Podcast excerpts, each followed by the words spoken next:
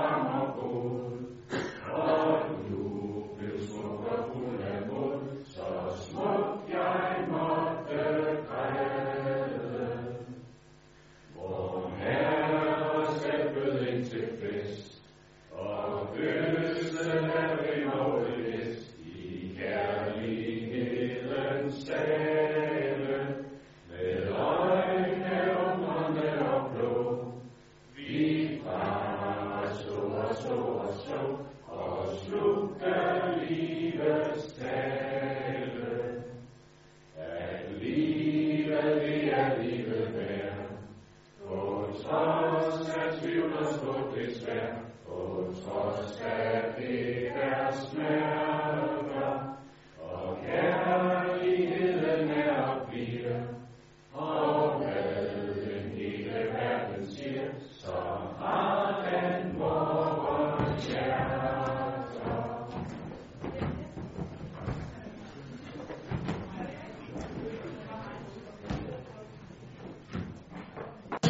Vi har udsendt en øh, dagsorden til dagens møde. Jeg skal høre, om der er nogle bemærkninger til den. Det er der ikke, så den har vi hermed godkendt. Så går vi videre til øh, sag nummer to, som handler om Vision 2025, som jo er et samlet oplæg. Og det er efterhånden 10 måneder siden, vi som byråd for alvor tog hul på snakken om, i hvilken retning vi gerne ville udvikle vores kommune.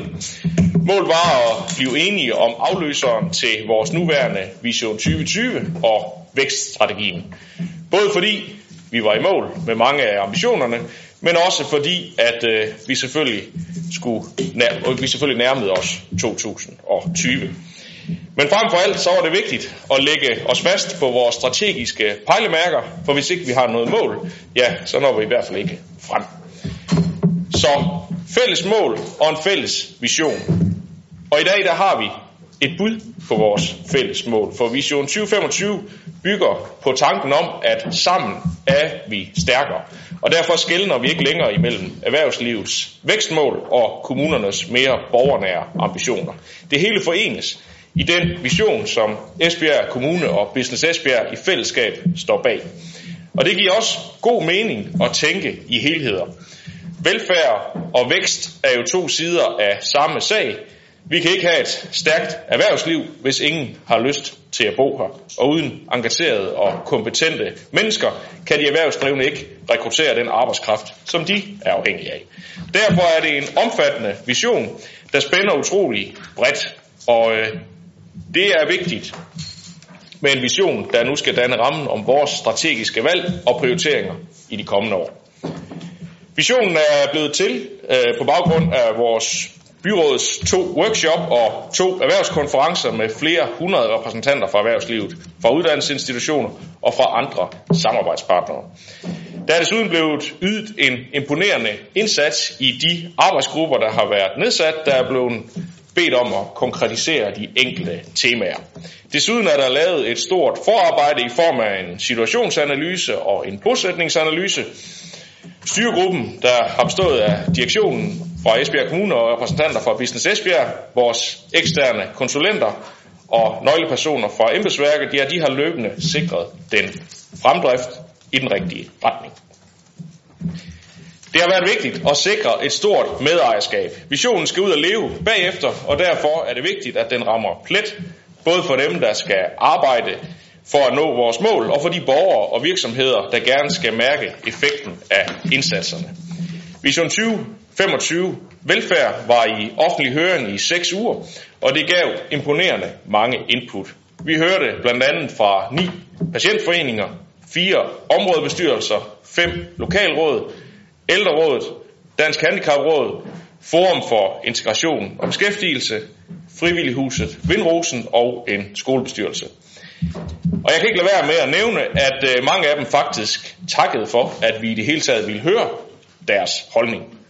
Og vi har selvfølgelig ikke kun lyttet, men vi har også tilrettet visionen ud fra de gode høringssvar, og det er den version, som økonomiudvalget nikkede ja til for 14 dage siden. Vi bruger overskriften energi til mere, fordi vi gerne vil understrege, at vi ikke starter fra bunden. Vi bygger videre på vores stærke fundament, men vi ved også, at vi kan endnu mere. Vi holder fast i energi, fordi det er her, vi kan noget særligt. Men vi folder begrebet ud, så det ikke kun handler om den slags energi, der er centreret på Esbjerg Havn. Energi skal nemlig give mening for os alle sammen. Hovedbudskaberne i visionen handler om at fokusere på vores styrker, nemlig vores handlekraft og vores evne til at samarbejde. På den måde kan vi videreudvikle vores dejlige kommune, så her er rart at leve, arbejde og drive virksomhed, og med de rigtige indsatser vil flere også få lyst til at flytte hertil eller blive boende. Og når nu visionen er godkendt, så starter det egentlige, virkelige arbejde jo. Fordi en vision, der stadig skal være relevant om øh, 5-6 år, er nødt til at være lidt elastisk. Så øh, den også kan fagne fremtidens muligheder og udfordringer. Den fornemmeste opgave for Vision 2025 er at sætte retning. Men det betyder også, at vi herfra skal arbejde målrettet på at konkretisere vores indsatser på de enkelte områder. Det kommer I til at høre meget mere om. Forhåbentlig er byrådet også enig i, at visionen rummer de temaer, der skal arbejdes videre med. Jeg synes selv, at visionen sætter baren til pas højt, og samtidig giver det spillerum, som vi har brug for. Vi skal ture at være ambitiøse, og det er vi med Vision 2025. Vi vil arbejde for bæredygtighed, vækst, samarbejde, uddannelsesmuligheder, sundhed, klimaet, og vi sørger for, at vores kommune er et godt sted at være for os alle. Så alt det fagner Vision 2025, som øh, jeg anbefaler, at vi godkender i dag, så vi kan komme i gang med det spændende arbejde, der venter forud, fordi det er der, det skal omsættes til praksis.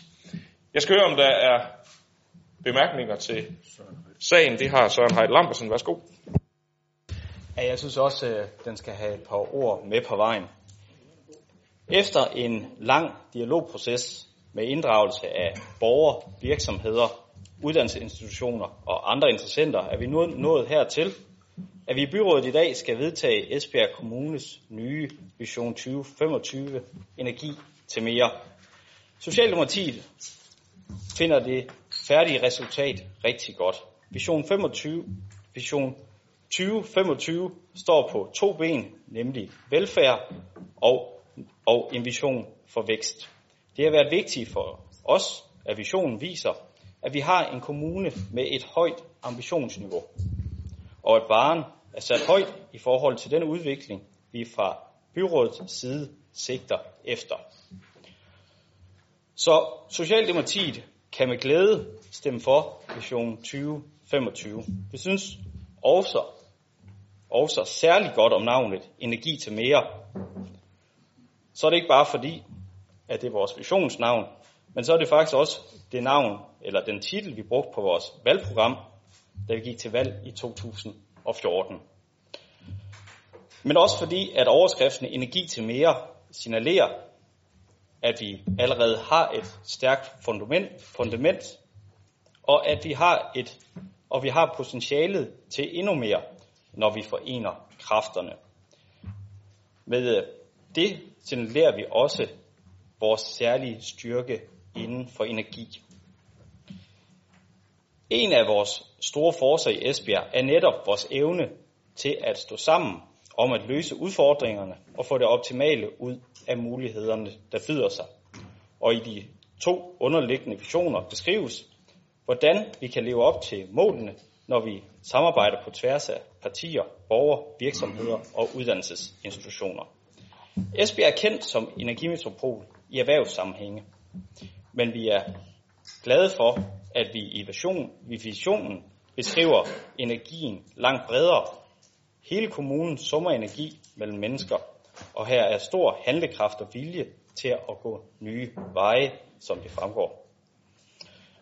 Men, men fremtiden byder også på ny type energi i form af den digitale infrastruktur, som kan være med til at definere kommunen. Vi er også glade for, at vi i versionen har sat mål for mere grøn og bæredygtig udvikling inden for energibegrebet. Både i forhold til velfærd og vækst af energi og samarbejde nøglen til videreudvikling af kommunen. Her er det vigtigt, at her er det vigtigt for Socialdemokratiet, at kommunens borgere skal inddrages, have medbestemmelse og mulighed for frivilligt at engagere sig. I forhold til at skaffe flere borgere er det godt, at der nu også øget fokus på, hvordan vi fastholder de borgere, vi har. Visionen har mange gode fokuspunkter, eksempelvis energi i hverdagslivet, livskvalitet, fællesskab og mangfoldighed, grøn liv og bæredygtighed. Men ikke mindst at vi sat som målrettet på, at Esbjerg udbygger, udbygger sin position som attraktiv uddannelsesby fremover, og som, som vi mener er et vigtigt middel til udvikling og vækst. Nu handler det om at få visionen ud og flyve og få den implementeret, implementeret bredt. Visionen skal være vores rettesnor for de beslutninger og de initiativer, vi tager, initiativer, vi tager i de kommende år. Tak for det. Henrik Valø.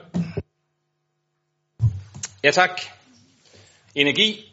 Jamen, det er jo rigtig godt ord, når vi taler den her vision 2025. Energi til mere, energi til livet, energi til udvikling. Jeg havde nu ikke tænkt mig at holde sådan en rigtig mega langt øh, indlæg omkring Vision 2025. Det har borgmesteren på udmærket vis gjort. Øh, bare give visionen et par ord med på vejen og sige, at vi altid i Esbjerg Kommune har haft masser af energi og handlekraft. Og overordnet synes jeg, at det afspejles rigtig godt i denne Vision 2025. Det er et rigtig flot stykke papir med utrolig mange fine ord. Og der er brugt rigtig meget energi igen tid og lagt et stort og flot stykke arbejde i arbejde med at udforme og bearbejde denne vision 2025. Jeg håber meget, at rigtig meget, at, at det visionen beskriver også bliver virkelighed. Det har vi som kommune rigtig meget brug for. Sammen bliver vi stærkere, sagde borgmesteren. Ja, det er jo sådan, det er. Øh, denne vision kan være med til at gøre både vores virksomheder og borgere stolte af netop at være og bo i Esbjerg Kommune. Tak. Tak for det. Jørgen Bosen Andersen. Tak for det. Vi synes, det er et rigtig godt oplag, der her foreligger. Det er visionært og gennemarbejdet, og rigtig fint at arbejde videre ud fra, som borgmesteren også var inde på. Men jeg vil lige tilføje øh, et par ord mere. En af styrkerne øh, ved visionen, det, er, det kalder jo på borgerinddragelse. Og, og de mange høringssvar, som jeg har kigget på, de, øh, øh, anerkender jo også det. Altså, øh, de signalerer også, at det er den vej, vi skal gå øh, med borgerinddragelsen. Folk ønsker at blive inddraget øh, i beslutninger, vil gerne deltage aktivt, og det er meget stor styrke og nødvendighed, når, når visionen skal føres ud i livet, altså at både, øh, både når det drejer sig om vækst og velfærdsdelen. Som flere lokalråd antyder, øh, er der mange gode intentioner i Vision 2025. Men de ser frem til, når det konkrete det kommer. Øh, altså hvordan de gode hensigter føres ud til handling. At der er skruet ned for det maskuline i dette visionsoplæg i forhold til 2020, er også blevet bemærket i høringsvarene, og det er vi meget enige i, øh, da det er vigtigt, at vi udvikler og har fokus på de bløde værdier, som for eksempel øh, de kulturelle og familieorienterede ting. Esbjerg er jo brandet som energimetropol, og her er vi da glade ved, at der i visionsoplægget er tilført grøn energimetropol. Det har vi faktisk ønsket i flere år. Vores ambition er også, at vi skal være en forgangskommune, der har føretrøjen på øh, i forhold til at tage ansvar omkring klimaet. At, vi, at det vil være det, at det vil være, at vi er med i alle byer og, og i landsbyer, er et vigtigt signal, og her glæder jeg mig også til, at vi får sagt konkret handling på udviklingen, der går i den retning. På folkemødet, som lige er overstået, øh, var der stor fokus på både klima og de 17 verdensmål. På den måde passer det jo fint, at vi med vores vision nu skal være med på beatet, sammen med borgere, uddannelsesinstitutioner og erhvervsliv, så vi i højere grad fokuserer på miljøvenlige løsninger og reducerer ressourcespillet. I SF ser vi frem til, at vision 2025 bliver til virkelighed, og at vi fastholder intentionerne omkring borgerinvolvering, så vi sammen også kan udvikle de konkrete tiltag. Tak for det. Anne-Marie Geisel Andersen. Tak for det. Ja, men i, i Radikale Venstre, der synes vi også, at visionen har nogle meget øh, centrale og væsentlige overordnede temaer. Det er blandt andet livskvalitet, kultur, fællesskab og bæredygtighed. Og vi er også glade for, at der er særskilt øh, fokus på mental sundhed. Jeg er nødt til lige at nævne også. Øhm, jeg vil også tage meget udgangspunkt i høringsvarene, øh, for jeg er nemlig enig med SF i, at det er rigtig vigtigt, at vi inddrager borgerne, og det er dejligt, at vi har gjort det i den her sammenhæng. Der er mange kommentarer om mange relevante ting. Familievenlig kommune, det grønne ind i byen, pårørende fokus, hjælp til børn i udsatte positioner og højere ambitionsniveau for klima blandt mange. Og alle de her temaer, de er på glædelig vis også øh, indarbejdet i visionen. Så er der blandt andet et lokalråd, der mener, at vi ikke er, endnu er helt gode nok til at lytte til borgerne, og at sagerne med fordel kunne være mere oplyste. Og det er jeg enig i, selvom at det dog er blevet bedre i det seneste halvanden år. Der er en skole, der foreslår, at vi kan understøtte vidensdeling øh, via borgerinddragelse, f.eks. mellem borger og kommune. Og så er der et borgerforslag om et forum for idéer og overvejelser fra borgerne. Og alt sammen synes vi lyder rigtig interessant, og det håber vi også, at vi kan arbejde videre med. Og det lyder til, at der i hvert fald er opbakning andre steder fra til det. I visionen står også, at alle skal kunne bidrage til kommunens udvikling gennem borgerinddragelse og borgerinvolvering. I den sammenhæng vil jeg bare nævne, at vi i Radikale Venstre har kigget lidt på vores elevråd, da vi ikke på alle skoler lever op til folkeskoleloven om, at også de små i indskolingen har ret til, eller er valgbare og har valgret. Men det er noget, vi tager i udvalget, så det skal jeg ikke trætte jer med her. Så bliver der ønsket, at vi går efter at have intet mindre end Danmarks bedste skolevæsen. Vi kigger på klassekoefficienter, det gør vi også i udvalget, øh, og nummeringerne i dagtilbud. Der er flere, der ønsker mere fokus på det, som betegnes børnemiljøet. Og det håber vi i Radikale Venstre rigtig meget, at det er noget, vi kan rumme i udmyndningen af den her vision. Der står, hvis vi fortsat skal være erhvervsby og tiltrække kvalificeret arbejdskraft, så skal vi kunne tilbyde et godt liv til børnene. Og det er vi meget enige i. Så bygger vi jo i bymidten, og det bliver der også kommenteret på, at vi skal huske at bygge blandet. Men også, at det skal være attraktivt for familier, og det gælder i forhold til daginstitutioner, skoler osv. Og også der er vi jo i gang, fordi der er allerede pres på midtbyen, særligt på daginstitutionerne, og der har vi også i Radikale Venstre ønsket belyst, om vi kan bygge flere daginstitutioner øh, centralt. Så har skolerne høj prioritet, det har de fået her i visionen. Øh, der er fokus på elevernes trivsel, børn skal have trygge rammer og familier et højt serviceniveau. Og der vil vi bare tilføje, at det kræver investeringer i de kommende år. Og der håber vi rigtig meget, at vi her i byrådet kan blive enige om at prioritere børnene, ikke mindst daginstitutioner og skoler. Så er der en borger, der skriver, at vi skal satse benhårdt på kernevelfærd, skære ned på prestige. Det er vi også enige i. Og det er også derfor, vi kommer til at stemme, som vi gør lidt senere i dag. Der kan I jo selv gætte, hvad, hvad de omhandler. Så er der flere organisationer, der har ønsket en pårørende politik. Vi har en, men man ønsker en, der omfatter hele kommunen. Fordi man som pårørende ikke kun er i kontakt med en forvaltning, men med hele kommunen. Der er endda et konkret forslag om en pårørende guide, som man også har andre steder. Og det kunne jeg også godt håbe, og også opfordre til, at det er noget, vi arbejder videre med. Så er der en organisation Ligeværd, der skriver meget konkret, at de oplever mange forældre til børn med særlige behov, der er under pres. Og det er vigtigt, at vi har fokus på børn i udsatte positioner. I den sammenhæng, der er vi i Radikale Venstre en eneste, eller ikke for at sige meget, ked af, at åben rådgivning jo i dag er blevet nedlagt, fordi i vores øjne kunne det være med til, at vi fremover får færre øhm, børn med særlige behov, at sagerne ikke udvikler sig i samme grad som ellers. Men vi er glade for, at de udsatte børn også får fokus i visionen. Så bliver der nævnt beskæftigelsesmuligheder for mennesker med handicap, der skal være bedre. Det er også noget, vi allerede har fokus på i, øh, i Socialudvalget.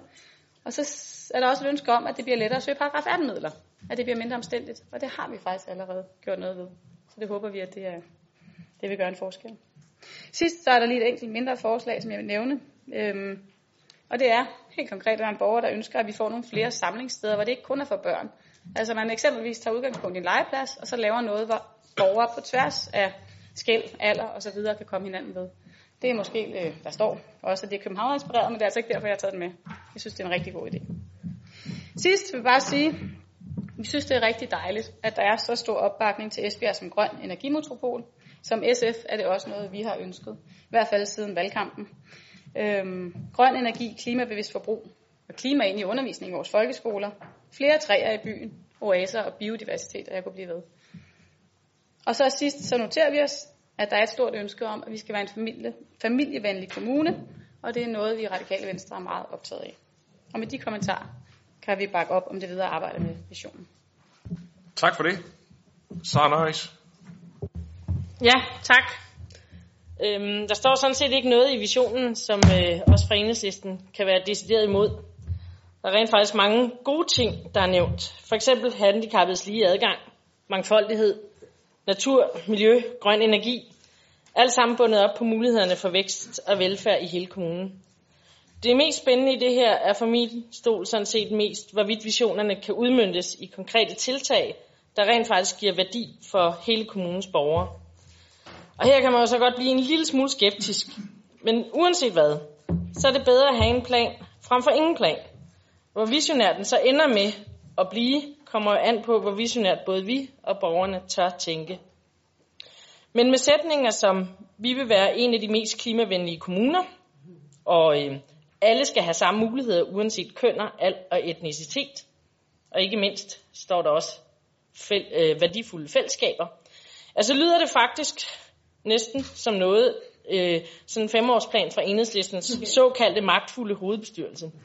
Og øh, det kan jeg jo så ikke have noget imod, så får jeg nogle problemer et andet sted i hvert fald. Og så vil jeg lige øh, til Søren, der øh, sådan i sin tale sagde, at øh, Socialdemokratiets valgprogram for flere år siden havde titlen Energi til livet. Der vil jeg jo så bare lige erindre om, at øh, enhedslistens kommunalpolitiske program ved seneste valg hed Fællesskab fungerer. Preben Rudingård. Hvor er det dejligt at høre. Den opbakning, der er.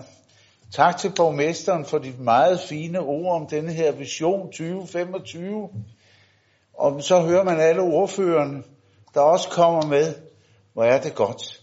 Og det er jo dejligt at se et samlet byråd nu omkring et sådan projekt. Hvis jeg skal putte lidt malurt i bæret, så er det ikke selve indholdet i det her projekt, som er fint. Men lad nu være med, at det bliver hyldevarer, som står deroppe. Jeg har arbejdet i den offentlige sektor i godt og vel 50 år. Og Hans Christian og jeg har siddet nede i Amtsrådet, og også jeg rådgav, og han var politiker, og alt muligt andet, og vi lavede den ene vision efter den anden, og så en dag, hvor jeg skulle flytte noget, så faldt der en vision ned med fuld støv på, fordi øh, den havde vi da glemt, man havde lavet. Og der har også været meget ressourcespild i mange visioner rundt om i det her land, også herover omkring.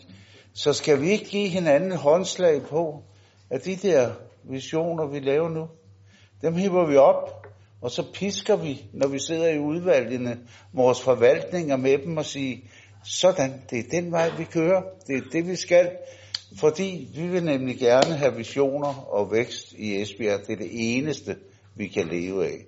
Gid, at den nye regeringsdannelse også vil tage det til efterretning. Tak for ordet. Tak for det. Og man kan sige, øh, jeg, det var vist også sådan, jeg sluttede mit eget indlæg i præben med, at øh, det handler jo om det, der skal ske her efter, og ikke kun det, øh, den vision, vi vedtager i dag. Og øh, for at sikre, at den ikke samler støv, så har vi valgt at lave den i elektronisk udgave. Øh, så øh, bliver det ikke den der hyldevare, du skal, du skal tage ned på et tidspunkt. Så der er sket lidt siden amtets tid, øh, hvad det angår. Men øh, tak for øh, bemærkningerne. Øh, og øh, Jørgen Bosen, øh, man kan både arbejde med verdensmål og vision, hvis man, øh, hvis man har plads i begge sider af jakken også. Øh, så, så det, det øh, ja, der er mange ting. Nå, jeg skal ikke øh, trække øh, de humoristiske bemærkninger længere. Jeg kan konstatere, at alle øh, bakker op, øh, og med mange bemærkninger her, så øh, med det så vil jeg konstatere, at vi hermed kan godkende Vision 2025. Så går vi videre til øh, sag nummer 3, som øh, er en sag fra Ungdomsgruppe, som handler om køb og salg af en grund i forbindelse med nybyggeri på Kærvej. Byrådet har godkendt øh, skema A for nybyggeri af seks almene familieboliger på Kærvej i Tjerborg i december 2018. Boligerne skal opføres på en grund, hvor der tidligere har været en kommunal institution, som Esbjerg Kommune har opsagt og fraflyttet. Boligorganisationen har oprettet en ny afdeling med jævnfør almen boligloven, og det er den afdeling, der skal købe grunden. Køb og salg kan kun ske med byrådets godkendelse, og Esbjerg Kommune har ingen økonomiske forpligtelser i forbindelse med handling. Jeg skal høre, om der er nogle bemærkninger til økonomiudvalgets indstilling til den. Det var der ikke, så det siger vi her med ja til. Så en øh, lignende sag fra Boligforeningen 32, øh, som handler om også et øh, nybyggeri i Grønlandsparken. Der har byrådet også godkendt skema A for 36 almene familieboliger i december 2018. Og her skal de også opføres på en grund, hvor der tidligere var en kommunal institution, og øh, som Esbjerg Kommune har opsagt og fraflyttet. Og øh, her skal vi også godkende det, og har heller ikke nogen økonomiske forpligtelser. Så jeg skal høre, om der er nogen bemærkninger til den sag. Det er der ikke, så det har vi hermed også sagt ja til. Så når vi til sag nummer 5, som handler om den kommunale ungeindsats i Esbjerg Kommune. En sag, der har været behandlet både i Social- og Arbejdsmarkedsudvalget og Børne- og Familieudvalget, så det bliver sådan en todel fremlæggelse. Henrik Valø fra Social- og Arbejdsmarkedsudvalget, du får ordet først. Tak for det. Med reformen Bedre Veje til Uddannelse og Job har kommunerne nu fået hele, hele ansvaret for, at de unge kommer i uddannelse og job. I den forbindelse har vi øh, fået til opgave at etablere en sammenhængende kommunal ungeindsats, den indsats, som vi forkorter KUI. Den kommunale ungeindsats er en samlet koordineret indsats, som øh, skal gøre unge under 25 parat til at gennemføre en ungdomsuddannelse eller komme i job. Det er KUI's opgave at sikre, at indsatsen bliver koordineret på tværs af uddannelse, beskæftigelse og social indsatsen. I efteråret 2018 deltog jeg sammen med unge og uddannelsesudvalg i to workshops om den tværgående ungeindsats. Her deltog også øh, repræsentanter fra ungdomsuddannelserne og en række medarbejdere her fra kommunen, der arbejder med de unge. Det glæder mig, at jeg i indstillingen i dag kan se, at der er en fin rød tråd mellem de anbefalinger og områder, som deltagerne på de to workshops satte fokus på, og det, som vi skal tage beslutning om i dag. Jeg håber, at vi med beslutningen medvirker til, at vi får knækket kurven over andelen af 18-årige, der søger offentlig forsørgelse. Derudover har jeg stor forventning til, at de unge og deres forældre fremover vil opleve en mere sammenhængende ungeindsats, og at vi med den koordinerede indsats vil se mange flere gode eksempler på, hvordan de unge kommer i uddannelse og job. Så vil jeg give ordet videre til udvalgsformanden for børn og familie, Diana Mose Olsen, der jeg tror meget sandsynligt vil sige lidt om, hvordan den kommunale ungeindsats kommer til at fungere sådan i praksis. Værsgo, Diana.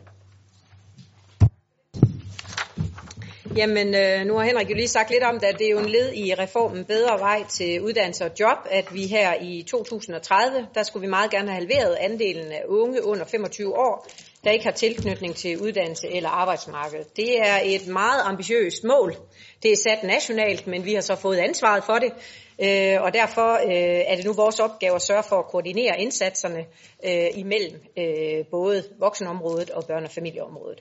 Og for at lykkes med at få flere unge i uddannelse og job, så er det selvfølgelig vigtigt, at vi sikrer de her gode overgange for de unge, at vi sørger for at koordinere på tværs af uddannelse og beskæftigelse og den sociale indsats, så der rent faktisk kommer en rød tråd igennem de unges forløb. For det er faktisk i de her overgange, der er mange, der falder igennem. Og derfor har vi jo lagt op til, at øh, det er en god idé at samle vejlederne hos SSP Forebyggelse og Vejledning og lade dem fungere som brobyggere, så de kan skabe sammenhæng og være gennemgående kontaktpersoner for de unge fra deres tid i grundskolen, til de rent faktisk er forankret i uddannelse eller i job. På denne her måde kan vejlederne følge de samme unge, fra de går i 8. klasse, til de faktisk bliver 25 år. Og det vil give både de unge og forældrene en oplevelse af kontinuitet og sammenhæng, Vejlederen vil altså være den person, der kender den enkelte unges historie, styrker og udfordringer, og forhåbentlig vil de også kunne skabe tryghed for den unge, når der, som der jo nogle gange skal, skifte spor i livet. Det bliver rigtig spændende at følge den kommunale ungeindsats her i Esbjerg Kommune, og jeg er sikker på, at den vil være et løft for både de unge og de mange samarbejdspartnere på FGU'en og ungdomsuddannelserne. Og på den baggrund indstiller børn, borger- og arbejdsmarkedsudvalget, børne-, familie- og økonomiudvalget, at byrådet følger indstillingen. Det er der ikke øh, andre, der har bedt om ord til. Det er faktisk en rigtig, rigtig god sag, det her, så det øh, er nok også øh, derfor, at vi alle sammen er fuldstændig enige om det. Så øh, den har vi hermed godkendt. Går videre til øh, sag nummer 6, som handler om justering af folkeskoleloven. Og den kommer der flere af, men øh, den første handler om kortere skoledag i indskolingen. Det er også sager, der har været behandlet i både børn- og familieudvalget og i kultur- og fritidsudvalget. Så den her gang der er det formand for børn- og Diana Mos Olsen, der får lov til at starte, og så fortsætter mig med André Andersen bagefter. Ja, de næste tre sager, som borgmesteren også lige er inde på på dagsordenen, de udspringer alle af det forlig om justering af folkeskolereformen, som den tidligere regering indgik med et kreds af partier i Folketinget i januar. Og grundlæggende der er det formålet at gøre folkeskolen mere fleksibel og åben, og aftalen har indflydelse på dagligdagen for børn og unge her i vores skoler i Esbjerg Kommune, og den har resulteret i flere ændringer af folkeskoleloven. Tre af de ændringer, det behandler vi i byrådet i dag, for at være klar til det kommende skoleår, hvor den nye lovgivning træder i kraft. Og man kan sige, at vi kommer også til at gøre det klokken 5 minutter i 12, fordi at, øh, vi går faktisk på sommerferie lige om lidt fra skolernes side af, så, øh, så vi har lidt travlt med de her forandringer. Når jeg nu så har introduceret baggrunden for de tre øh, sager samlet, så vil jeg gå videre til den første sag, og den handler så om en kortere skoleuge i indskolingen. Fordi når det her nye skoleår det begynder, så får alle eleverne hvis byrådet nu vel og mærket accepterer denne her måde at gøre det på, så får alle eleverne i 0. til 3. klasse forkortet skoleugen med 2 timer og 15 minutter. Den kortere skoledag kan give de yngste elever et større overskud til både undervisningen, men også til deres aktiviteter i fritiden. Når elevernes skoleuge bliver kortere, så er der færre undervisningstimer, og de frigjorte midler herfra, de indgår rent faktisk i finansiering af flere andre af aftalens elementer. Det gælder for eksempel øh, et kvalitetsløft af den understøttende undervisning, og også til en udvidet åbningstid i fritidstilbuddet, men også en mulighed for at have flere to voksne i de enkelte timer. I forhold til skolernes planlægning, så er der lagt op til, at skoleugen bliver forkortet nogenlunde lige meget per dag, og grunden til, at det er en fastlagt ramme for hjem, er, at der er en øh, hjemkørsel af elever øh, efter skole, og det kræver faktisk, at der ikke er en alt for stor variation i skoledagens længde fra dag til dag, især over for 0 til 3. klasse. Og så vil formand for Kultur- og fritidsudvalget, Marbert Andrea Andersen, vil komme lidt nærmere ind på aftalens betydning for kultur- og fritidsområdet. Ja, tak for det. Justeringen af folkeskoleloven den har også indflydelse på kultur- og fritidsområdet. Formålet med forligskredsens aftale er blandt andet at sikre mere fritid til eleverne ved at give dem kortere skoledag. Siden folkeskolereformen trådte i kraft i 2014, har der været rigtig meget debat om, hvorvidt eleverne efter en lang skoledag overhovedet øh, har overskud af energi og mulighed for at være med i fritidsaktiviteter. Det gælder både i SFO'er, i klubber og i det hele taget i kultur- og foreningslivet. Med justeringen af folkeskoleloven kan skolerne i højere grad tilrettelægge skoledagen, øh, så de også tager hensyn til elevernes liv uden for skoledagen. Konkret medfører den kortere skoledag for indskolingen et behov for øget åbningstid i SFO'erne, så eleverne stadig kan komme direkte fra undervisningen. Økonomien til den øgede åbningstid er finansieret i aftalen, og midlerne bliver tilført kommunen i forhandlinger mellem staten og KL. SFO'erne og de øvrige fritidstilbud øh, spiller en særdeles vigtig rolle for elevernes sociale relationer og trivsel, og den øgede åbningstid giver mulighed for at arbejde mere med fællesskaberne i SFO'en. Derudover åbner den kortere skoledag øh, mulighed for, at eleverne i højere grad har tid og kræfter til at deltage i fritidsaktiviteter, når de kommer hjem fra skole og fritidstilbud. På den baggrund indstiller Børne- og familieudvalget, kultur- og fritidsudvalget og økonomiudvalget til byrådet, at indstillingen følges. Jeg skal dog nævne, at radikale venstre har taget forbehold i Børne- og familieudvalget, og det konservative Folkeparti tog forbehold i kultur- og fritidsudvalget og i økonomiudvalget. Og med borgmesterens tilladelse vil jeg gerne redegøre for det konservative Folkepartis øh, perspektiver i sagen. Tak. Som det er blevet bemærket her, så øh, har det konservative Folkeparti taget forbehold for sagen. Og det gjorde vi primært på grund af fastlåsningen på de 27 minutters øh, afkortelse af skoledagen. Øh, efter sagen blev behandlet i Kultur- og Fritidsudvalget, blev der så udsendt et notat vedrørende punktet. Men øh, det var rent faktisk først i morges, efter punktets drøftelse, øh, at jeg fik de sidste oplysninger, som har skabt mere klarhed for mig. I forhold til de 27 minutter er der en vis fleksibilitet, virkelig for mig at se, burde have fremgået af sagsfremstillingen.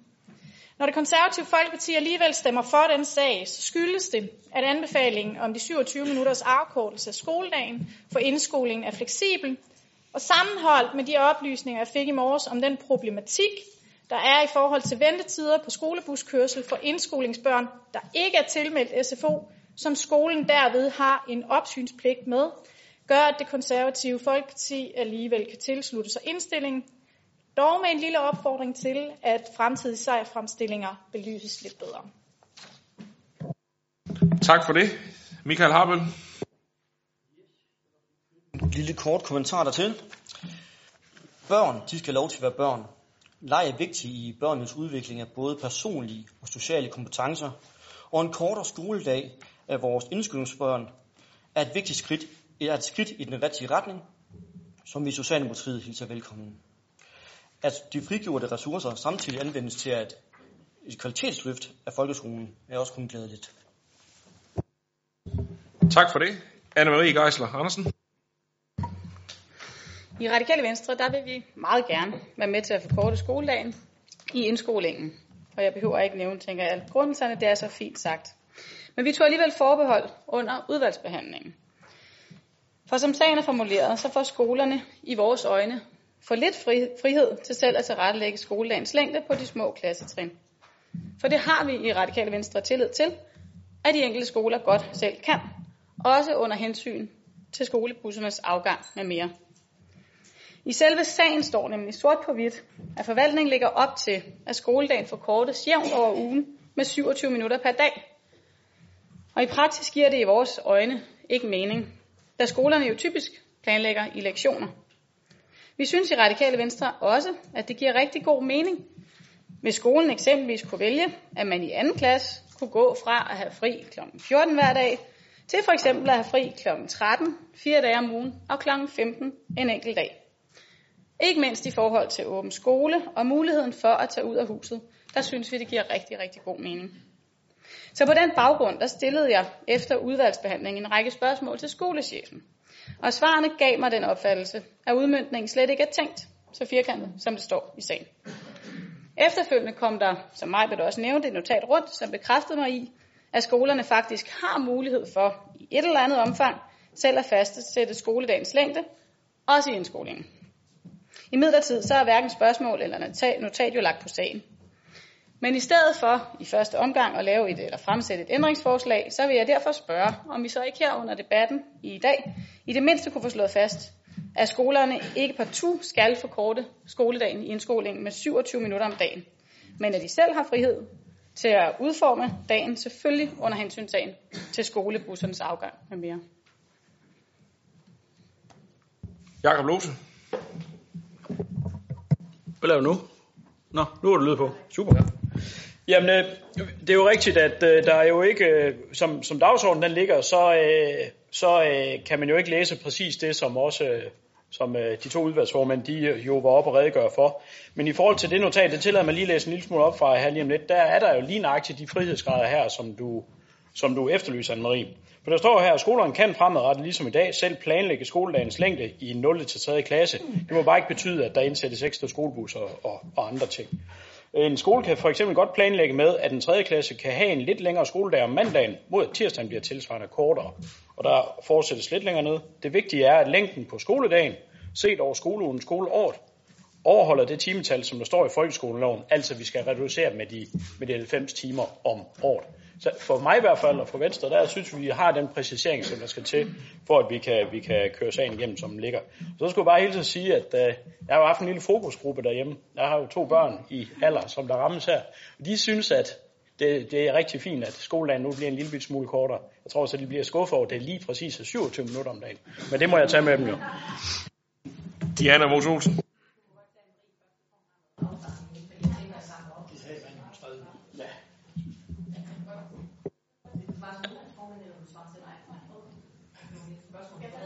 Anne- Anne-Marie, hvis du har flere spørgsmål, så tag dem med nu, så får vi øh, Diana til at svare Det på har jeg. Jeg har ikke flere spørgsmål. Utrolig nok.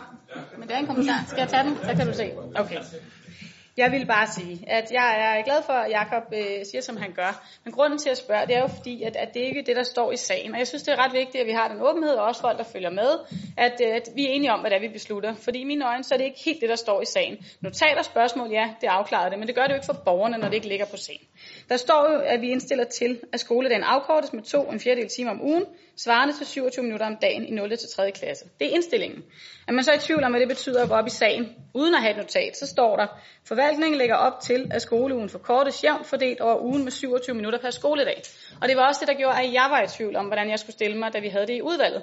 Og det er bare derfor, jeg er rigtig glad for, at vi får bekræftet i dag, at det ikke skal forstås så firkantet, som der står i sagsfremstillingen. Fordi så kunne vi ikke være med. Det kan vi formentlig godt, når Diana nu også har været på. Tak. Og hun får ordet nu. Værsgo, Diana. Så skal jeg passe på, at vi ikke taler os fra hinanden.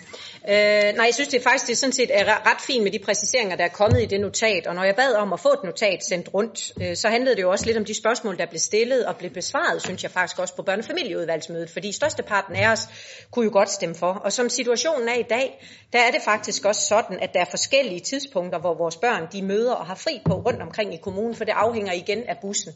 Og, og der er vi bare af, af en sådan beskaffenhed i kommunen, at vi altså har nogle krav til, at vores børn kan blive kørt hjem. Og der er også noget ventetid på bussen. Det er heller ikke alle børn, der ønsker at gå i SFO. Så derfor ligger der noget praksis fra 0. til 3. klasse, som låser os lidt mere, end det gør fra 4. til 9. klasse.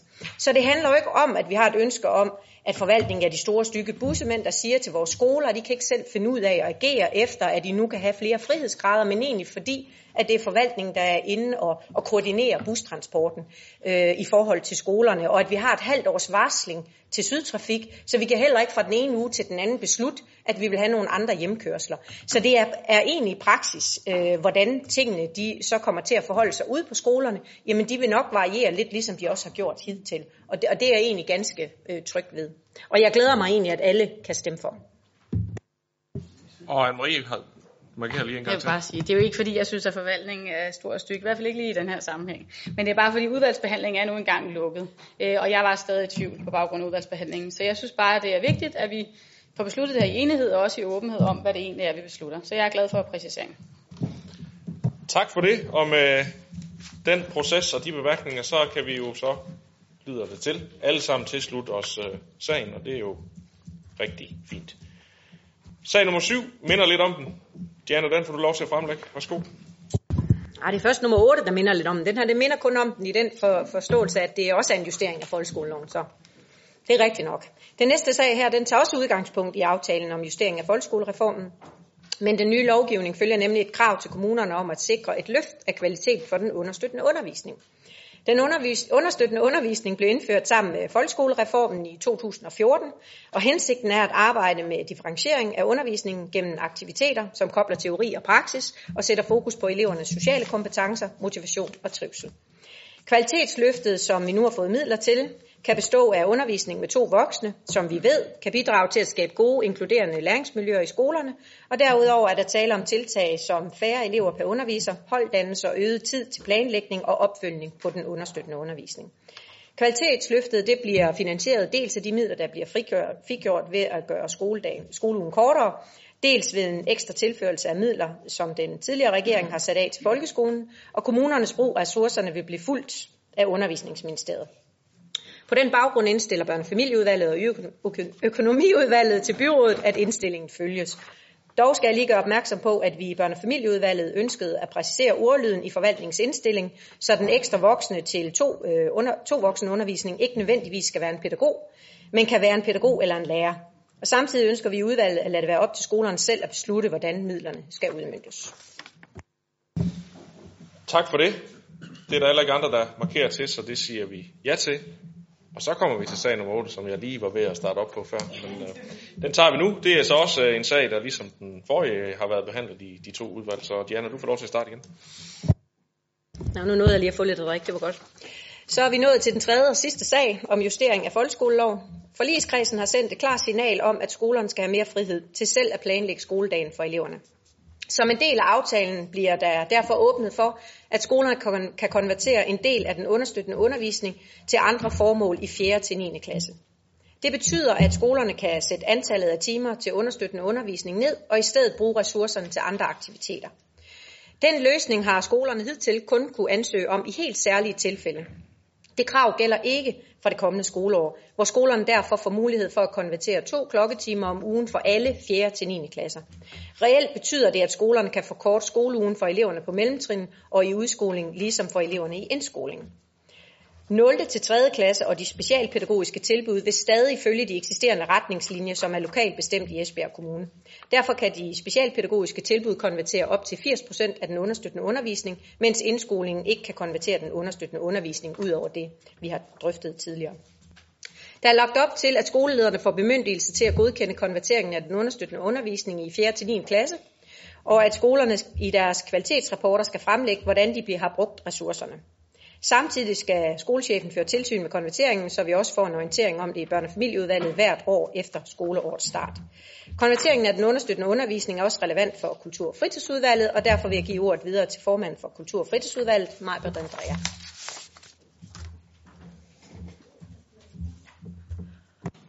Tak for det. Jeg havde lige et udfald, åbenbart. Nå, når skolerne i højere grad også får mulighed for at lægge en del af den understøttende undervisning om for 4. til 9. klasse, betyder det, at eleverne får kortere skoleuge øh, med færre timers undervisning. Øh, ligesom jeg nævnte i sagen om den kortere skoleuge for indskolingen, så vil det også betyde for de større elever, at øh, flere måske vil få et større overskud til at deltage i aktiviteter i fritidslivet. Og det kan være som en del af skolernes øh, fritids- eller ungdomsklubber, eller i nogle af de mange idræts- og kulturtilbud. På den måde vil justeringen af folkeskoleloven ikke bare øge fleksibiliteten og åbenheden lokalt i kommunerne øh, og på vores skoler, men også give mulighed for at booste aktiviteterne uden for skoletiden. Det er selvfølgelig en fordel for foreningslivet med de mange tilbud inden for blandt andet idræt og kultur, hvor børn og unge øh, er en vigtig del af fødekæden, både som medlemmer og frivillige. På den baggrund der indstiller børn- og familieudvalget, kultur- og fritidsudvalget og økonomiudvalget, at byrådet følger indstillingen. Det ser det ud til, at vi kan. Så det er det, vi gør. Så når vi til sag nummer 9. Kvavlundhallen, der ansøger om overtagelse af en kommunal grund. En sag fra Kultur- og Fritidsudvalget. Maja, du får ordet til os til den. Værsgo. Tak for det. Kvavlund Handel ønsker gratis at overtage den grund, som idrætshallen og de tilhørende faciliteter er opført på. Den selvejende hal har i dag en aftale med kommunen, som giver dem ret til gratis at bruge grunden. Aftalen udløber i 2020. Hallen ønsker på sigt at udvide sine faciliteter, og det kræver, at de tilkøber et større jordareal, da bebyggelsesgraden på grunden i dag er fuldt udnyttet. Derfor søger de nu om at, om, om at overtage den nye, nuværende grund, når brugsretsaftalen med kommunen udløber, så hallen får større mulighed for at gå i gang med et udvidelsesprojekt, når det bliver aktuelt. Vi har mulighed for at overdrage grunden til Kvavlundhallen på samme vilkår som den nuværende brugsretsaftale, det vil sige vederlagsfrit. En betingelse er, at øh, Kvavlundhallen betaler omkostningerne til landinspektør, tændlysning med mere. Vælger vi at overdrage grunden vederlagsfrit til Kvarlundhallen, skal der i forbindelse med overdragelsen øh, tinglyses en tilbagekøbsklausul, som træder i kraft, hvis den selvejende hal opløses, eller på et tidspunkt ikke længere ønsker at eje grunden. Kommunen vil da kunne tilbagekøbe grunden på samme vilkår, som den er overtaget. Hvis vi ikke overdrager grunden til Kvavlundhallen, skal der udarbejdes en ny brugsretsaftale, og hallens øh, udvidelsesmuligheder vil derfor være begrænsede. I Esbjerg Kommune ønsker vi at medvirke til at skabe et varieret udbud af fritidsaktiviteter og fremme bevægelse i hverdagen. En udvidelse af Kvavlundhallen vil kunne understøtte begge dele. Ved at overtage den nuværende grund vederlagsfrit til Kvavlundhallen overdrage selvfølgelig den nuværende grund vederlagsfrit til Kvavlundhallen, kan vi bane vejen for, at hallen kan udvides som ønsket til gavn for områdets borgere. På den baggrund anbefaler Kultur- og Fritidsudvalget og Økonomiudvalget, at jorden overdrages vederlagsfrit til Kvavlundhallen på de betingelser, der er nævnt i sagsfremstillingen. Tak for det. Hans K. Sønderby. Foreningen Kvavlundhallen får med beslutningen overdre ejerskabet til det areal, hvor Kvavlundhallen er placeret. Jeg havde fornøjelsen af at være formand for byggeudvalget i sin tid, da en kreds af beboere i området tog initiativ til den hal, som vi har i dag. Det skete efter, at tålmodigheden var opbrugt til, at kommunen ville leve op til de løfter, som især lige op til kommunevalg blev givet til beboerne i området om opførelsen af en kommunal sportshal. Områdets stærke parcelhusområde har bare stort set alle omkostningerne til opførelsen og den efterfølgende drift af Kvavlundhallen. Set i lyset af, hvad der i en årrække er tilflyttet mange andre lokale områder, skal jeg ikke undlade at erindre byrådet om, hvad der i sin tid tilflyttede et område, hvor der med kommunal hjælp blev boligplaceret mange belastede familier i den almindelige bebyggelse. Senere kom kulturberigelsen med massiv placering af beboere af anden etnisk herkomst, uden at der er sket ret meget for at hjælpe fritidslivet i området. Kommunens bidrag til Kvavlundhallen var en arealleje på en krone og ca. 300.000 til dækning af tilslutningsbidrag til de kommunale forsyningsselskaber. Hvis der med beslutningen, der er lagt op til her, skulle indsnige sig en følelse af gavmildhed hos nogle af byrådsmedlemmerne, vil jeg gerne slå fast, at det er absolut ikke tilfældet. Kommunal gavmildhed til områdets fritidsliv efterlyser vi stadig i den grønne bydel Kvavlund. Tak for ordet. Vi kommer vidt omkring her. Øh, for os øh, historien ridset op. Øh, jeg vil da bare starte med at sige, at det var godt, at der var nogen, der tog sagen i egen hånd helt fra starten af, og det er et fantastisk øh, sted og en god, øh, øh, en god hal, som jeg også selv har haft fornøjelsen af at komme i flere gange. Øh, jeg troede, vi skulle til at konkludere nu, men øh, uh, Musa Osa har lige bedt om ordet, så værsgo Musa. Tak for det. Jeg tror, at vi kommer vigtig historie. Du har været med, siger du, Hans, øh, med til et den forening, der i sin tid var med til at bygge Voldenhallen. Og i dag vil du gerne bremse udvikling i området. Og du går og blander øh, de mennesker, de medborgere, der bor i det område. Jeg tror ikke, at du har stor øh, indsigt i, hvordan det går i selve området. Så jeg synes, jeg synes øh, at øh, det kan ikke være fair, det du går og siger. Og tak for ordet. Hans Gård Sønderby. Nu får jeg lige lyst til at sige, at jeg har faktisk boet i området i 40 år, og bor der stadig, så en vis kendskab til området, det tror jeg nok, jeg har. Musa. Ja, det kan godt være, at du har boet i området i 40 år. Jeg har boet i området i 16 år. Og jeg har indsigt i det, fordi jeg er der næsten dagligt. Ja, jeg tror, vi skal lukke den diskussion ned og sige, at det her det handlede om, at vi skulle øh, håndtere en grund, øh, som Kvavlundhallen overtog, eller hedder ansøgt om at overtage fra kommunen. Og øh, det tror jeg, at vi alle sammen er enige om. Og så er det det, vi gør. Vi går videre til sag nummer 10, som er et forslag til planstrategi for 2022 til 34. En sag, der har været i plan- og miljøudvalget. Så Karen Sandrini, du får ordet nu. Tak for det. Planstrategi, øh, planstrategi 2020, 2022 øh, og 2034 har været i høring i alle fagudvalg. Fagudvalgenes bemærkninger til oplægget fremgår af sagens fremstilling. Bemærkningerne til oplægget har været positive, og de viser, at planstrategien giver mening og kan bruges i alle direktørområder. Vi glæder os nu til at få strategien ud til offentligheden. Alle fagudvalgenes bemærkninger bliver selvfølgelig indarbejdet, inden forslaget sendes i høring. Vi forlænger høringen med nogle uger, så alle kan nå at forholde sig til forslaget selv, om høringen ligger hen over sommeren. På den baggrund indstiller Plan og Miljø og Økonomiudvalget til byrådet, at øh, forslag til planstrategi 2022-34 sendes i mindst 8 ugers offentlig høring. Nini Ogen. Ja.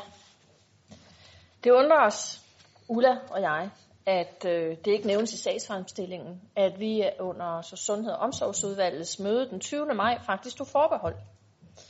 Øhm, og hvorfor tog vi forbehold? Det vil jeg godt fortælle. Altså, planstrategien og intentionen er i sin helhed helt fint, og den vil jeg overhovedet ikke stemme ned, men der er noget råd. Fordi når vi læser i indholdet, at man for eksempel tilflytter, så synes vi, der er behov for en opdeling af hvert område. Hver af de tre store byer i vores kommune, i hver sin blok, så man derudfra kan på en overskuelig måde orientere sig i materialet. Vi synes, Ulla og jeg, det mangler struktur. Øhm, for eksempel, jeg vil kun komme med et enkelt eksempel. Der er angivet mange konkrete tiltag i Esbjerg by. Men når vi kommer væk fra Esbjerg by, er det småt med konkrete beskrivelser af tiltag. For eksempel side 15 i mål og handlinger.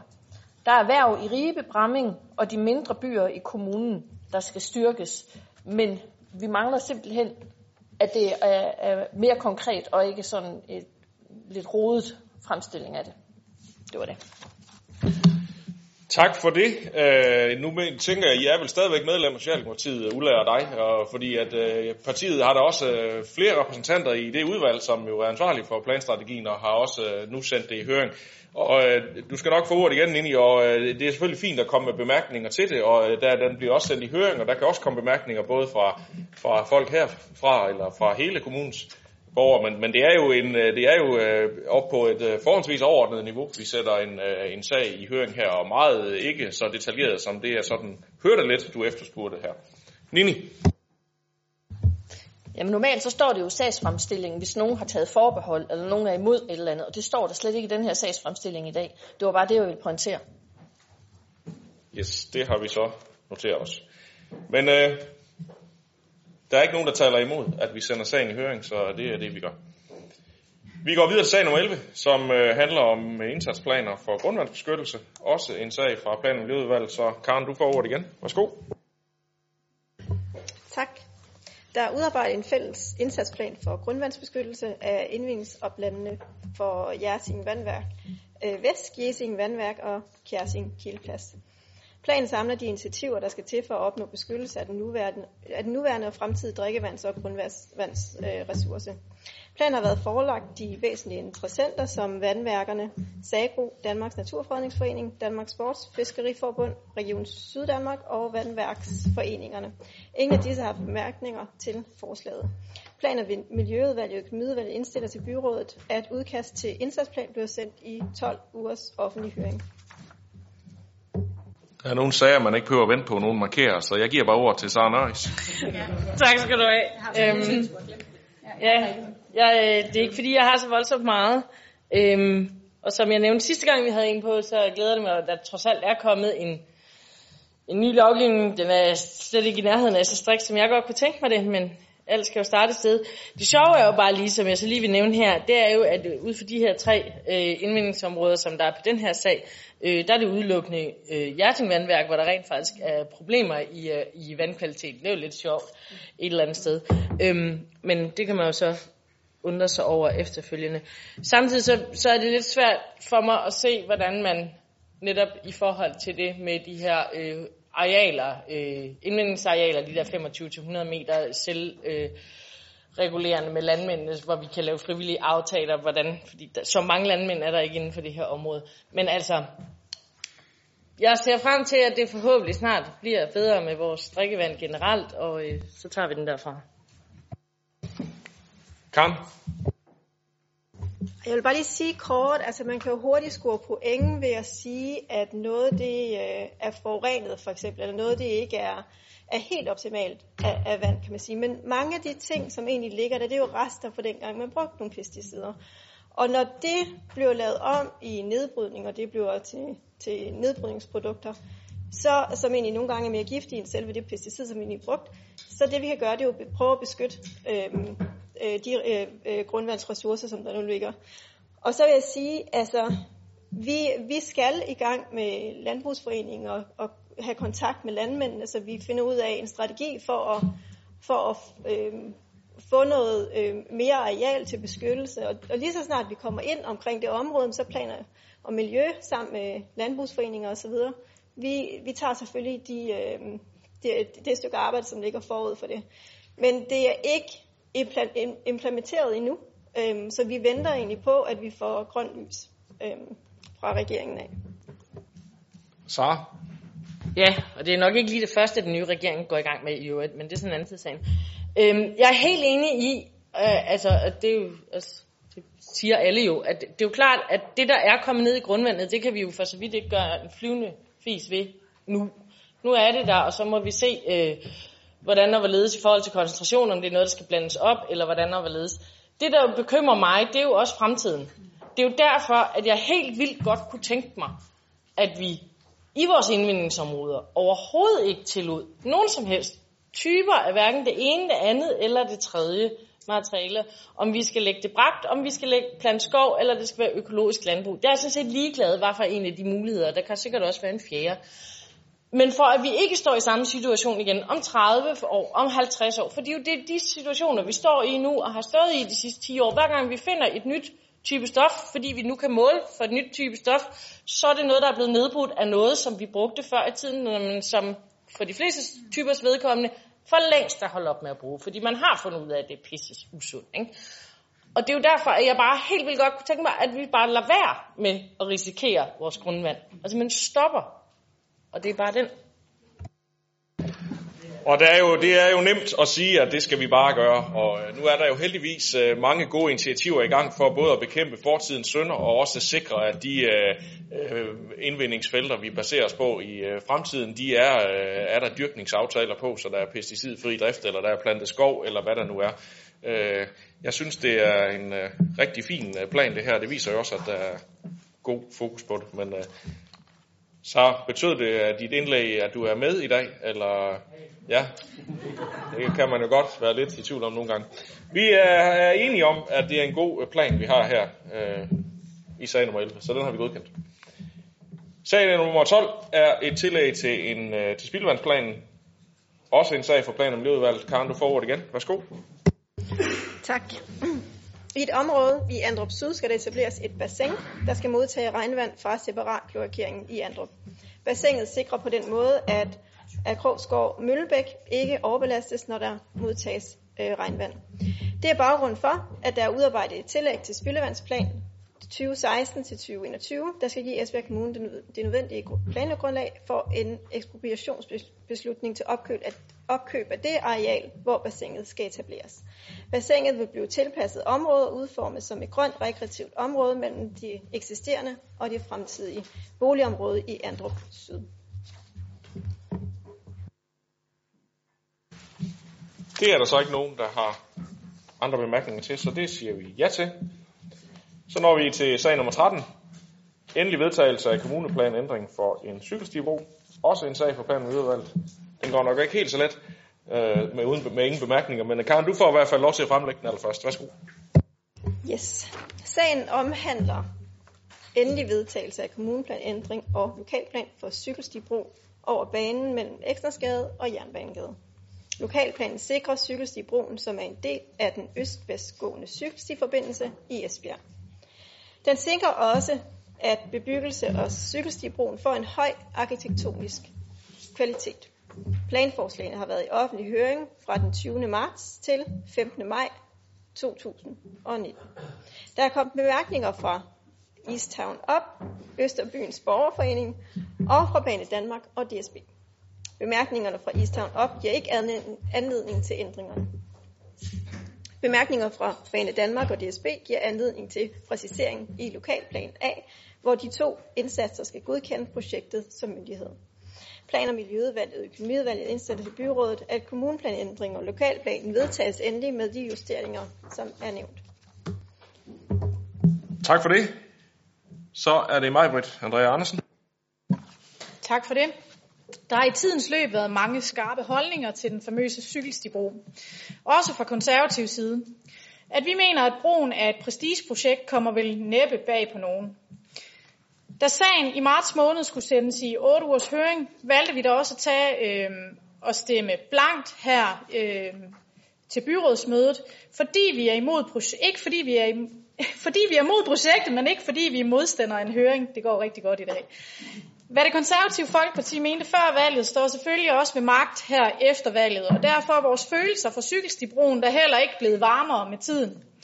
Velvidende at cykelstibroen er en del af et tidligere budgetforlig, så er vi i øjeblik på en øh, brændende økonomisk platform her i kommunen, hvor vi ser ind i besparelser på områder, hvor det gør mere end, almindeligt, mere end almindeligt ondt.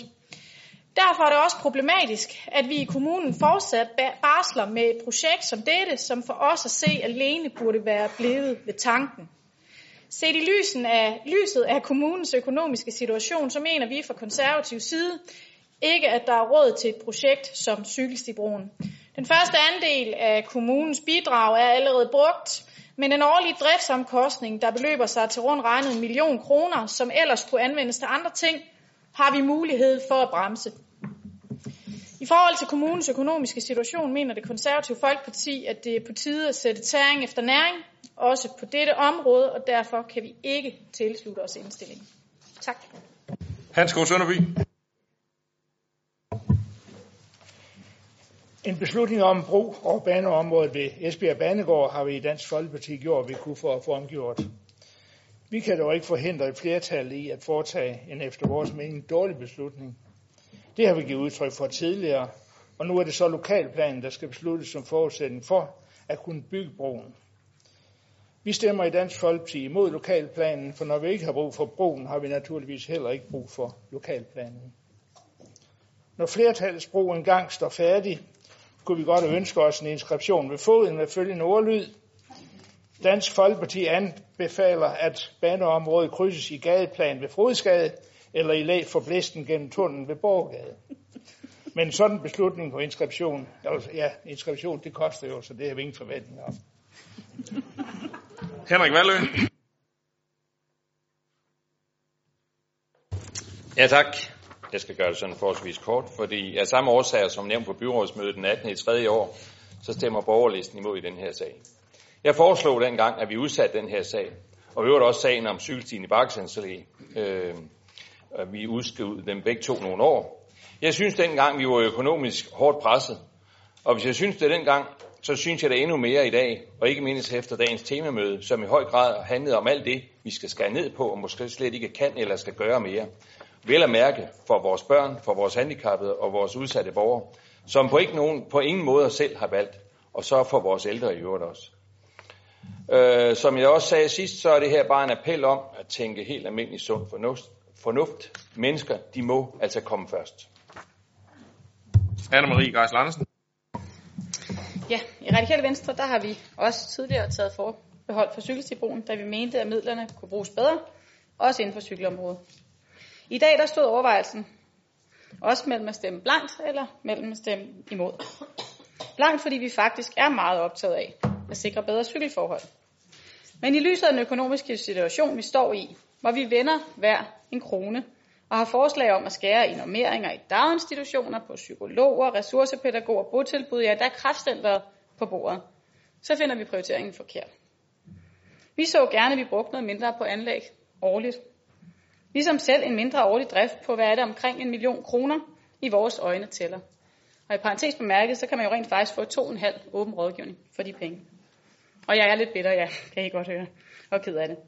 Og set i lyset af det budget, som vi står over for at skulle lave, som Henrik også var inde på, som også i vores øjne bliver sværere end frygtet, så har vi altså valgt at stemme helt imod.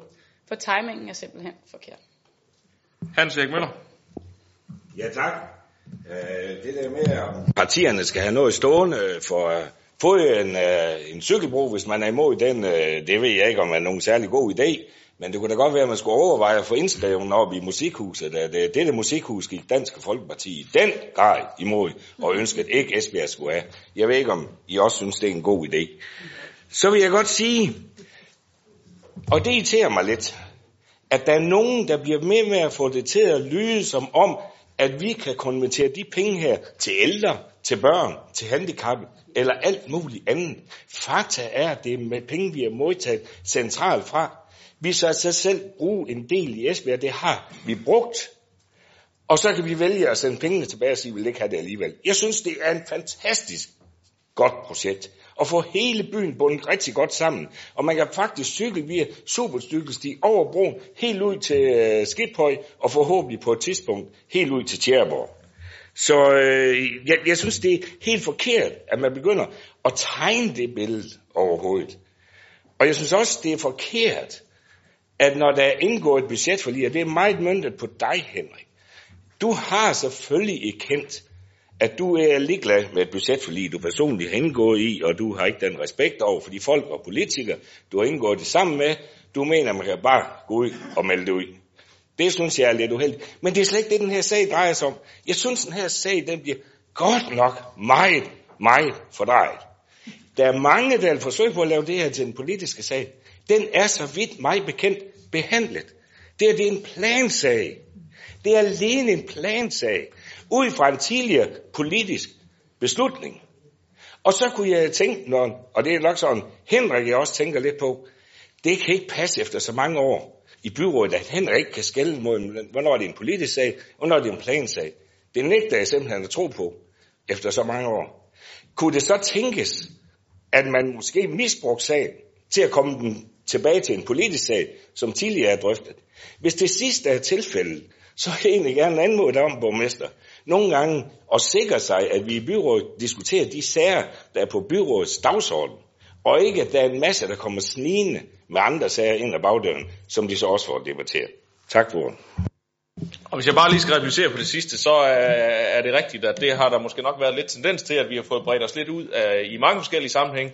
Øh, så lad os nu holde os til det, det handler om, nemlig plansagen øh, omkring øh, cykelstibroen her. Jørgen Bosen Andersen også bedt om ordet. Ja, tak. I SF der går vi stadig ind for øh, etablering af cykelstibroen, og jeg er meget enig i hans Eriks betragtninger, det, så det vil jeg ikke stå og gentage. Vi synes nemlig stadig, at det er et godt projekt, der giver sammenhæng mellem både øst og vest med en gennemgående supercykelsti. Vi ved godt, at der er forskellige holdninger øh, til øh, projektet, men vi synes, det er en sikker og direkte forbindelse, øh, øh, øh, og øh, altså, der er med til at skabe sammenhæng i bybilledet, og så og den vil også skabe helhed for selve cykelstiforbindelsen, der kommer til at krydse banen, til glæde for både dem, der skal gå over, og dem, der kommer cyklende. Det vil også være med til at gøre cykelstien mere attraktiv, når der kommer en direkte forbindelse, altså fra øst til vest, og som han Erik var inde på, med på sigt forbindelse helt ud til Tjærborg. Formålet med at etablere cykelstier er jo ikke mindst at få flere op på cyklen. Trafiksikkerhed kombinerer cykel- og togpendling og turisme og mange flere ting. Og det tror vi nemlig på, at det her projekt det bidrager rigtig godt til. Vi har læst indsigelserne fra Easttown op, men i SF tror vi på, at med de tilretninger, der er foretaget, bliver cykelstibroen et rigtig godt tiltag for Esbjerg by. Og omegn også, for den sags skyld. Vi tror bestemt ikke, at det kommer, øh, det kommer til at skade udviklingen i Østerbyen, som de selv er bekymrede for. Til tværtimod håber vi, det kan være bidrag til et positiv igangsættelse af en strategisk udviklingsplan i Østerbyen. Anne-Marie Geis Larsen. Det var i forhold til anvendelse af midlerne. Altså selvfølgelig kan vi da bruge midlerne anderledes. Altså, jeg er med på, at der er en hel del her, der kommer fra en fond. Men jeg synes ærligt talt også, at vi er rigtig meget styret af, hvad fondene gerne vil støtte. Det er jo os, der sidder med ansvaret. Det er os, der har svært ved at få økonomien til at hænge sammen. Der er meget bekendt, jeg kan ikke huske, jeg kan finde det i den her sag, men der er også nogle byfornyelsesmidler. De kunne da have været brugt anderledes. Kunne de ikke have været brugt på sikre skoleveje, så kunne vi da have frigjort de midler, vi brugte til det i budgettet. Altså det er, der, det er der os, der har ansvaret. Og der, som jeg også var inde på, så er der også noget drift. Jeg er med på, at den er lille, men vi sidder og vender hver en krone. Så også af den årsag vil vi altså gerne have lov at, øh, at stemme imod. Og det kan I selvfølgelig få lov til. Susanne Dyrborg har bedt om ordet. Jeg synes jo, det er fint, at her Hans Erik Møller begynder at tale om at bringe nogle andre sager ind, og han så lige nævner musikhuset. Det tror jeg ikke, det er på i dag. En anden side af sagen, Henrik. Jeg tror, Henrik han er blevet klogere. Det synes jeg faktisk er rigtig fint, at man uh, har en stilling til noget, og så finder man ud af, at situationen har ændret sig, og så ændrer man det. Den bro, den er ikke bygget endnu. Hvorfor skulle vi ikke tage og være lidt fornuftige i den her sag? Øhm, og i forhold til den afledte drift, den er der jo altså. Der er en million i afledt drift. Det kan godt være, at det er fint at få 4,5 million. Men hvis man ikke har råd til at betale en million for det, så er det jo ikke en genial investering, det her. Så vi fastholder i hvert fald i Dansk Folkeparti inskription eller ej, vores nej. John Snedgaard. Må jeg ikke bare stilfærdigt gøre Susanne Dyreborg og Anne-Marie Geisler Andersen opmærksom på, at det vi står med er ikke, om vi skal beslutte øh, cykelbroen eller ej. Det er, hvorvidt den beslutning, som er truffet, skal kunne myndes ud i livet gennem en plan. Så lad os diskutere det. Henrik Valø. Nå, men jeg vil bare sige til Hans Erik, at jeg, jeg løber jo ikke for nogen aftale. Det er jo noget forbandet brøv. Undskyld udtryk. Det er noget værd brøv. Øh, jeg har bedt om, at jeg har sagt, at jeg synes, vi skal udsætte den, fordi der er kommet nogle økonomiske øh, kurver på tråden, kan vi sige, som gør, at jeg synes, vi skal udsætte både den og supercykelstien i Bakkesens Allé. Det kunne der være rigtig meget fornuftigt. Øh, så jeg løber ikke for nogen aftale. Øh, jeg er ganske klar over, at jeg var med i en aftale dengang. Men som jeg også har sagt rigtig mange gange, så er altså lige nogle få hundrede meter nord for, for den, hvor den her cyklistbro skal være, der er der ganske fine cykelstier i begge sider. Og få hundrede meter syd for, der er der en fin underføring. Og så videre og så videre, det har jeg sagt mange gange. Øh, så jeg vil bare gøre opmærksom på, at jeg ikke løber for noget som helst. Hans Erik Møller. For lige at rette øh, en misforståelse, bare lige, det er altså ikke en fond. Det er, det er, det er stat, du styrer en cykelpulje, som de prioriterer i forhold til at alle mulige andre kommuner også mig har søgt. Og så bliver der en eller anden prioritering. Og der har de så fundet øh, det i Esbjerg som en god prioritering. Og derfor, hvis vi så sagde nej til de penge, så skulle de tilbage til cykelfonden, og så kunne det være, at det var nogen i Gentofte, eller Aalborg, eller Jørgen, eller et eller andet, der fik gavn af pengene i stedet for. Og, og sådan kan det jo godt være. Så vil jeg lige sige til de konservative, det var da en klar udmelding, den skal man da have i baghovedet, øh, når I sætter til forhandlinger, hvis det sådan er en generel øh, øh, tilgang, I har til det, at hvis I indgår i et budgetforlig, øh, så kan det godt være, at man bare kan hoppe ud af det. Øh, vi så det jo godt lidt med, med eliteidrætten der, lige efter vi er sat i en budgetforlig, der viste de jo sådan set vejen. Men jeg synes, det er vigtigt, at man har det i, i, i baghovedet generelt, hvis det er det, de konservative står for. Fordi jeg har det rent faktisk sådan, at hvis man er med til at indgå et forlig, et budgetforlig, så går, så bakker man jo op om det budgetforlig.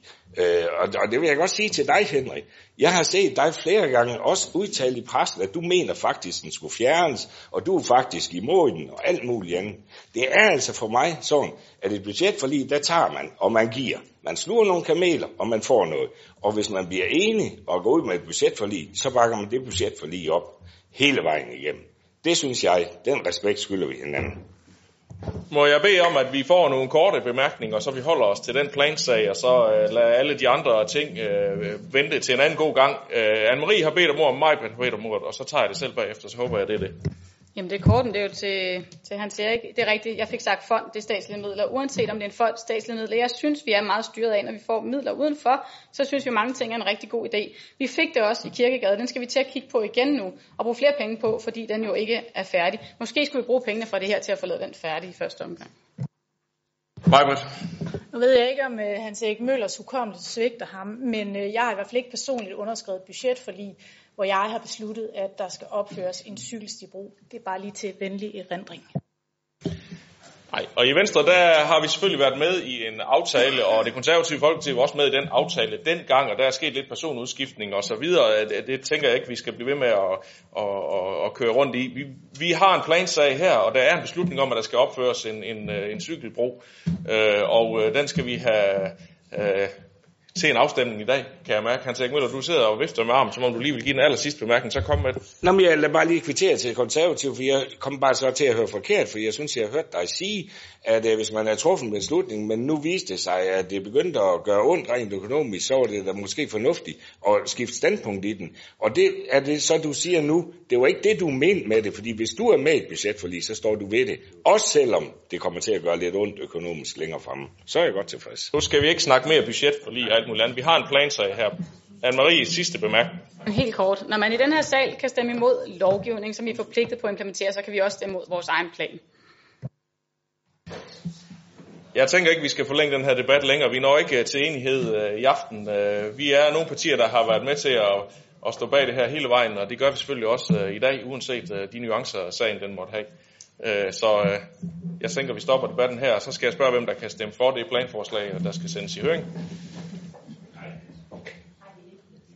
Vedtagelse af planforslaget. Undskyld øh, forvirringen her. Tak. Og hvem stemmer imod? Tak for det. Den er hermed endelig vedtaget, hvis der skulle være nogen, der var i tvivl.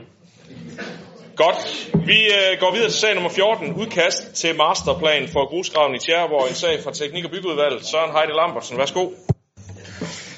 Tak skal du have. Sneum Tjæreborg Lokalråd har ønsket en masterplan for de 29 hektar store areal ved Tjæreborg Gamle Grusgrav.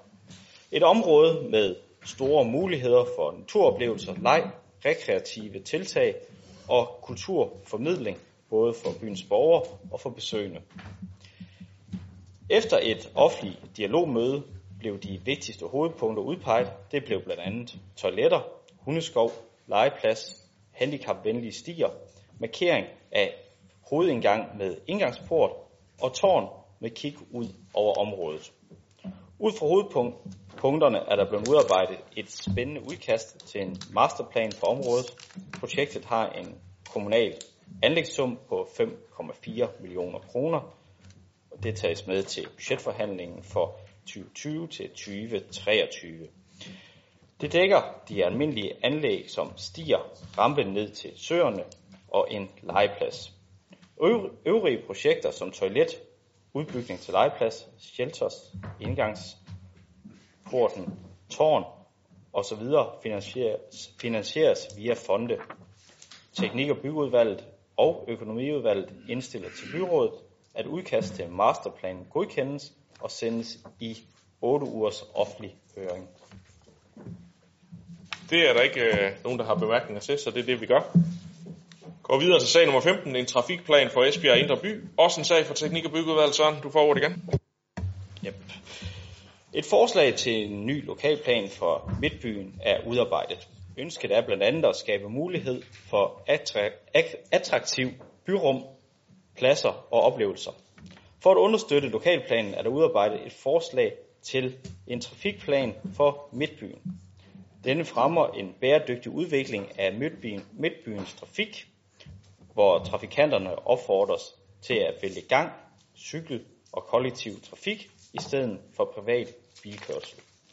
Der er også et forslag til en parkeringsstrategi, hvor der skal ske en oprydning og forenkling af, forenkling af midtbyens system af, en forenkling af midtbyens system af parkeringsrestriktioner. Der skabes samtidig en god fremkommelighed for bilerne til de store parkeringsanlæg, så handelscentret kan styrkes. Der er lavet, der er, der er lavet udviklingsforslag til budget 2023 for i alt 42,6 millioner kroner. Disse forslag kan ses i dagsordenen og de øh, tilhørende bilag. Foruden de tre afholdte interessentmøder har der været afholdt et borgermøde her den 13. juni 2019, hvor der blev planlagt en, hvor, hvor lokalplanen og trafikplanen var på dagsordenen. Teknik- og byggeudvalget og økonomiudvalget indstillede til byrådet, at forslag til trafikplanen sendes i 8 ugers offentlig høring. Tak for det. Hans K. Sønderby.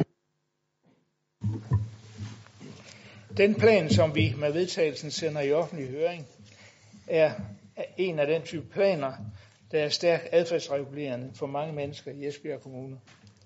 Mange tror, at man kan styre borgernes adfærd i bestemte retninger med planer.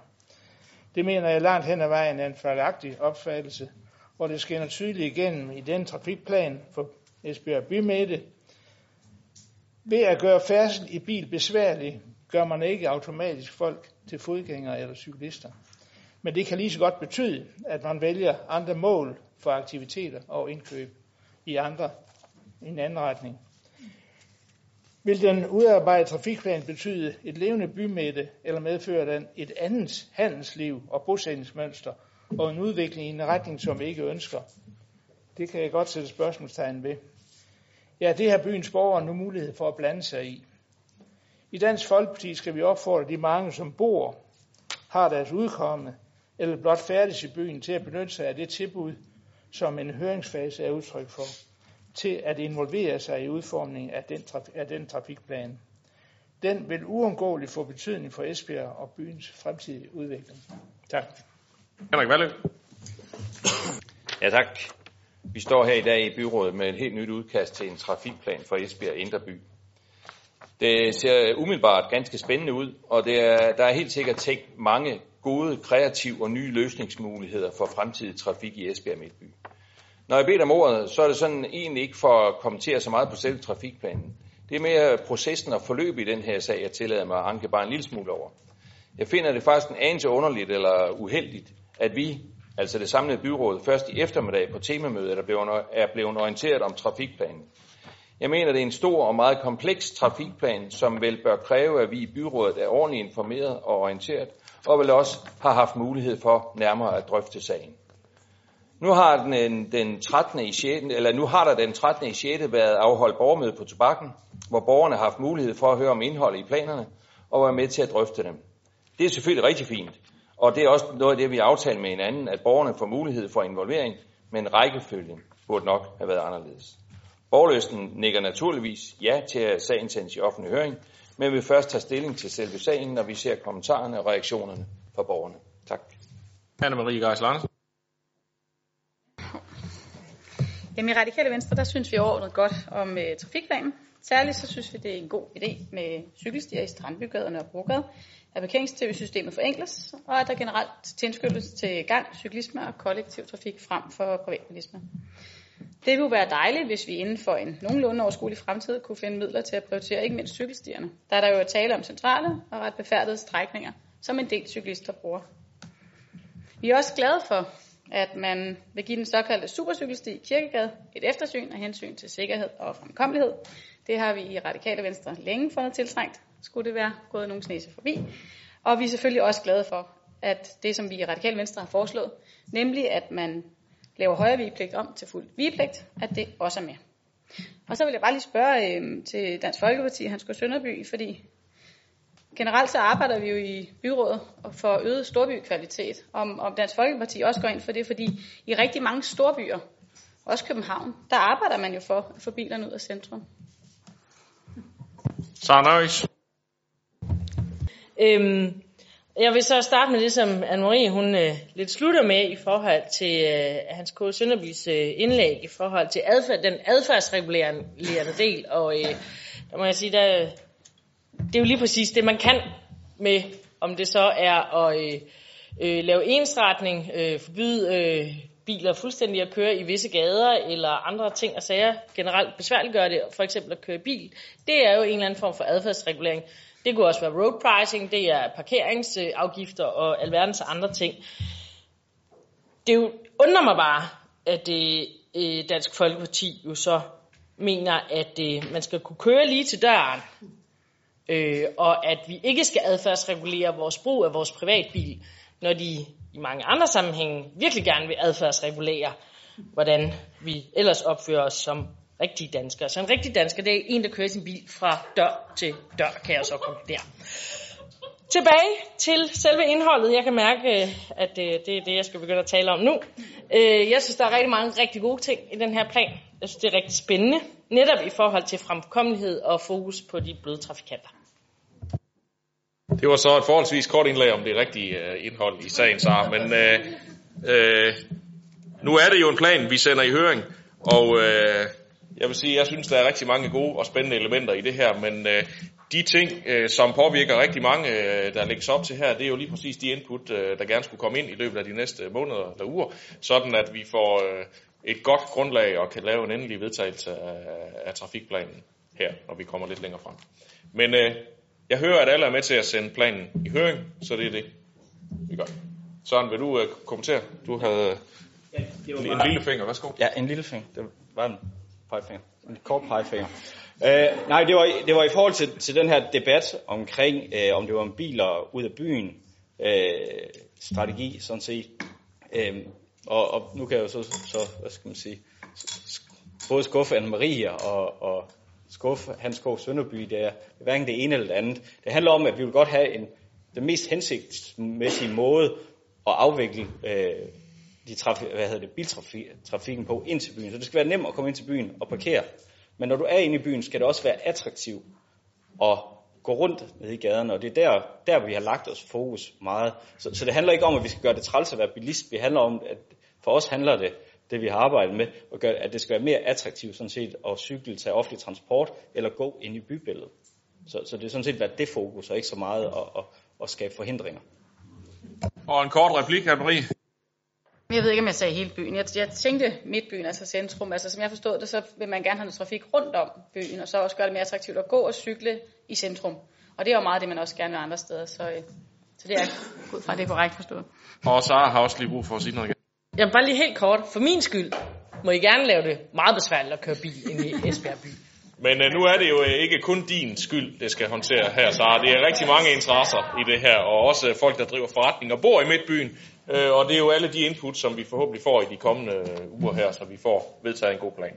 Vi sender planen i høring nu, går videre til sag nummer 16, orientering om magtanvendelser og andre indgreb. En sag fra Social og Tilbud. Formanden for Social Arbejdsmarked, Henrik Valø. Værsgo.